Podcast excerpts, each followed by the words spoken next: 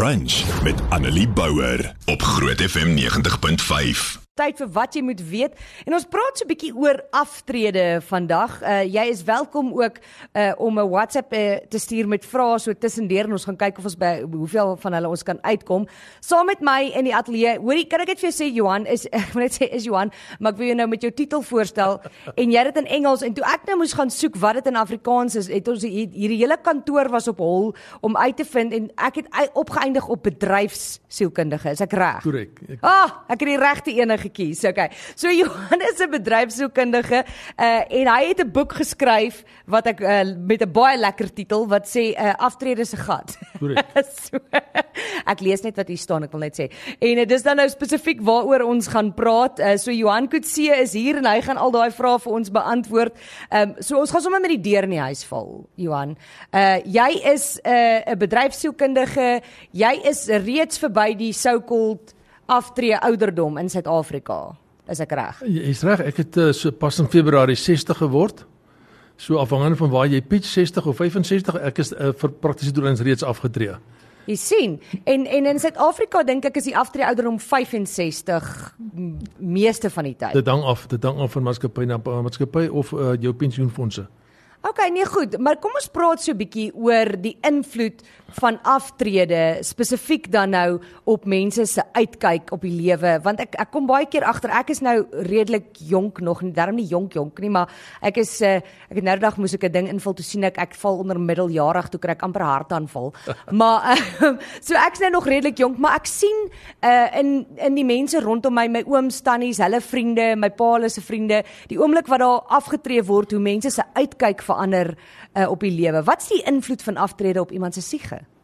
Kyk, ek ek wil net een ding regstel. Ek dink as jy nou by 60 kom en jy begin met jou afgetrede vriende praat, dan dan en jy hoor van mense wat nou nie meer met ons is nie, hy was 70, dan begin die afgetrede mense sê, "Jesus, hy was nog jonk geweest." Ja. So, ek meen 60, 70, dis 'n nommer. Die uitdaging wat ou het as jy as jy ehm um, na aftrede kyk, beteken dit vir baie baie mense in die grootste uh, gros van mense dat jou finansies vat 'n enorme duik. Ja. En dit is waarop meeste mense konsentreer wanneer hulle voorberei vir finansies. Ek meen 99% van die materiaal waarna jy kyk om jou voor te berei gaan oor geld. Het jy genoeg gespaar? Het jy polisse? Wat is is jy goed in plek finansiëel? Maar dit is net een faset van potensieel 12 van jou lewenswiel wat in tegniek is wat ons gebruik uh, waarna jy moet kyk wanneer jy aftrede. So wat is die goed wat jy wat jy um, waar wat daar waar 'n enorme impak op is? Die eerste een is jou doel. Engelsman praat van purpose. Dis 'n lekker woord. Jou doel, jou hele doel verander waar jy opgehou werk het, waar jy gewerk het, was jy 'n voorsiener, jy het 'n goeie salaris ingebring en alles wat daarmee saamgaan. Nou werk jy nie meer voltyds nie. En ewe skielik is daai voorsiener beeld van jou weg. Die ander tipe van goed is jou identiteit verander. Jy weet ongelooflik baie mense is getroud met hulle werk. Hulle is die manager. Hulle hulle is meneer of mevrou so en so. Hulle hulle Dis tog wat jy die wat jy die meeste van die tyd gedoen het. Dis wie jy is. En nou wat gebeur is, die jy jy stap vanmiddag daar uit of 10 uur nadat hulle jou partytjie vir jou gehou het en in die ou dae jou horlosie vir jou gegee het, wat ek glad nie verstaan nie, want as jy afgetree het, moet jy nie meer horlosie hê nie. maar maar jy het nou jou horlosie gekry en dan gaan jy. En môreoggend staan jy op en wie is jy? Ja, wie is ek nou? Wie is jy nou? Wat gaan jy nou doen? Hoe werk dit? Wat is my doel nou? Wat is jou doel nou? En ewe skielik is daar 'n enorme gat. Nou wat baie keer gebeur is daar's nog ouens wat jou hier en daar bel en wat jou sê help gou hierdie waar het jy daai gestoor 2 weke waarborg jou 2 weke dan begin hy oproepe afneem 3 weke dan begin ouens van jou vergeet en 4 weke dan bel jou beste pelle jou nie meer nie Jo wie jy nou nie meer nie Die binne 6 maande begin jou e-posse opdroog. Ewe skielik is daar niks meer nie. Jy is nie meer die ou nie of die persoon wat almal heen gehardloop het. So daai identiteit is enorm. Die oomblik as jy identiteit wegvat, selfbeeld, eie waarde, ehm um, al hierdie tipe van van wat goed wat jou maak wie jy is, begin af ehm um, afneem. En en en nou een van een van die grootste goeders waaroor mense bekommerd is vir almans is sy nalatenskap legacy. Ja, wat wat los ek agter? Wat los ek agter? En gaan mense my onthou? Daai dis presies waar dit gaan. Want die die Meksikane is het byvoorbeeld uh, gesê jy gaan 3 keer dood. Eh, Die eerste dood is wanneer jy gebore word. Die tweede dood is wanneer jy fisiese liggaam verlaat. En die derde dood is wanneer niemand meer oor jou praat nie. Mm. mm. En dis waarvoor ons die bangste is. Ja, verseker. Jo, okay, hierdie is 'n interessante onderwerp. Ons gaan bietjie net hierna ek sien nie kom 'n paar WhatsApps ook in. Ons gaan kyk daarna en dan uh, as ons terugkom hierna gaan ons bietjie gesels oor wat aftrede veronderstel is om te wees. Ehm um, want ek dink daar's hierdie konsep van as jy aftree gaan jy nou by die huis sit en jy gaan nou jy jy gaan ek weet nie wat moet jy dan nou doen nie. Jy gaan dan nou tuin maak seker of iets. I don't know. Goed, ehm um, ons praat eintlik oor aftrede. Johan Kutse is 'n bedryfsielkundige. Hy is saam met my in die ateljee. Uh en ons praat so 'n bietjie oor uh aftrede en uh jy weet hoe dit eintlik moet wees. Ek sien iemand het 'n boodskap hier gestuur wat sê ek het uh, gewerk uit die plek genoem. Uh my eerste 3 maande na ek uit die onderwys is op 61, dit was asof ek nutteloos was. Um, maar aan die tydspolisse kan 'n mens ook uh jou 'n uh, kat in die sak koop as jy nie weet wat jy doen nie.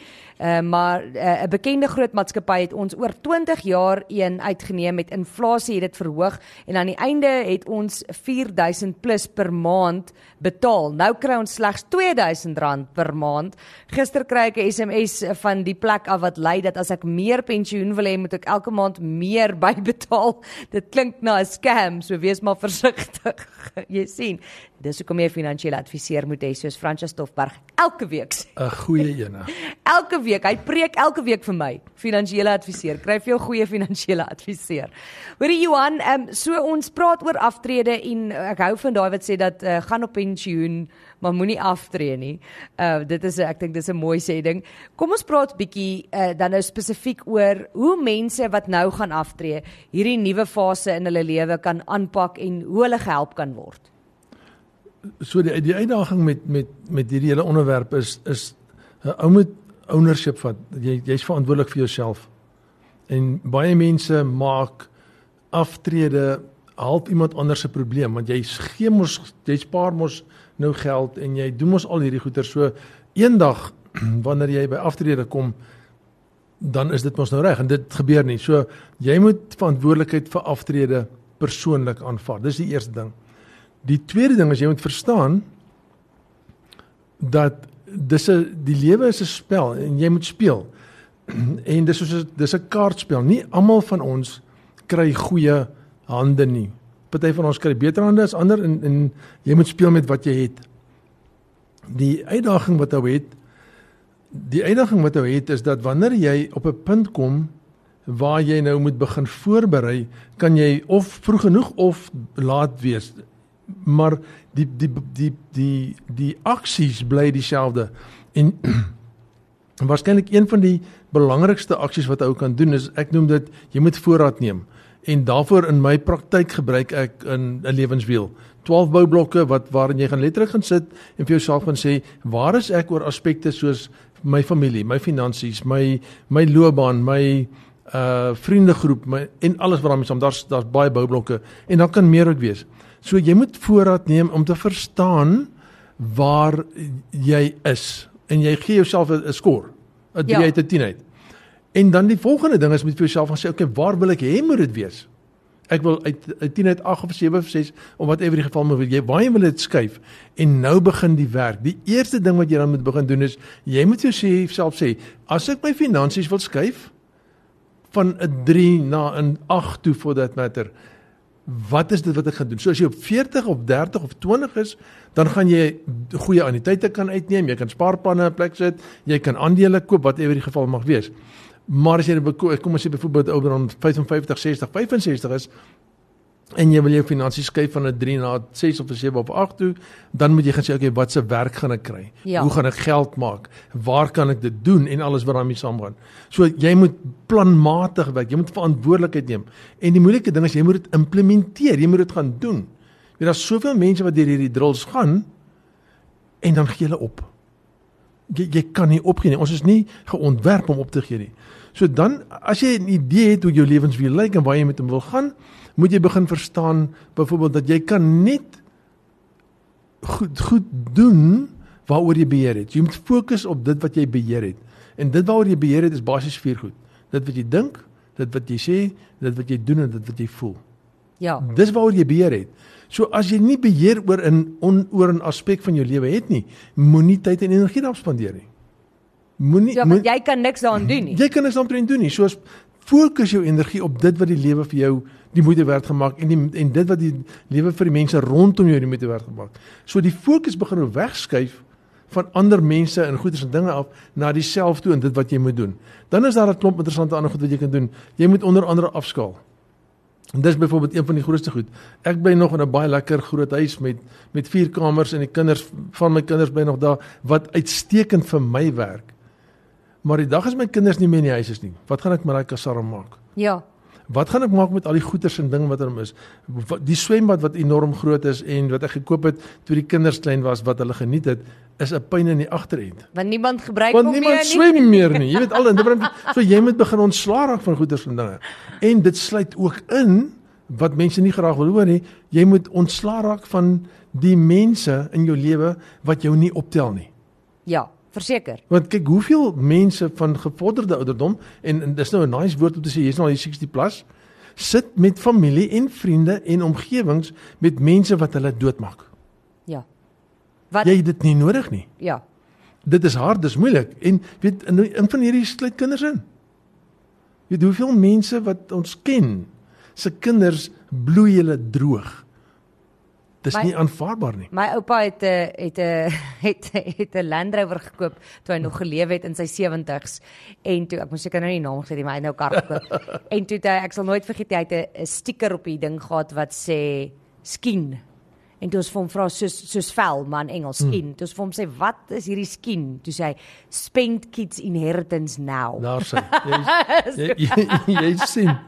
So, Ja, ja. so moenie so erg worry oor oor dit wat jy vir jou kinders los nie. Jy lewe. Jy moet lewe. So ek ek ek ek ek, ek, ek, ek doen twee van daai daai daai skind gedeelte. Ek het twee van daai voertuie wat jy nou net genoem het. dit dit maak dat ek nie alkoholus kan word nie want ek het nie genoeg geld vir drank nie. Help baie. Hoorie so Johan, yes. ek is ek wens ons het meer tyd gehad om hieroor te praat, maar verskriklik baie dankie vir jou tyd vandag. Ehm um, en dan as mense meer wil weet oor nie net jou boek nie, maar oor jy weet hoe wat hulle as hulle dalk met jou wil gesels of konsultasies wil hê of so voort, waar kan hulle jou in die hande kry? Julle is meer as welkom om my te skakel. Uh my nommer 083 445 0452. Uh en ek het ook 'n uh webtuiste Ek dink daai's gewoonlik die wat die maklikste. maklikste een is. Dis die normale 3 W's in 'n ry. Uh Dr. Johan Kutse.co.za en dis net DR nie uitgeskryf so. Dr. Johan Kutse.co.za. En Kutse is met 'n Z. Met 'n Z asseblief ja. Daar's hy. Kan ek net sê asseblief. Ons mense is ongelooflik veerkragtig. Moenie jouself onderskat om enige moeilikheid wat jy ervaar tydens tydens aftrede te oorkom nie. Ons het die vermoë. Wees net sterk en bly fight. Ek hou daarvan. Annelie Bouwer, weekoggend tussen 9 en 12 op Groot FM 90.5.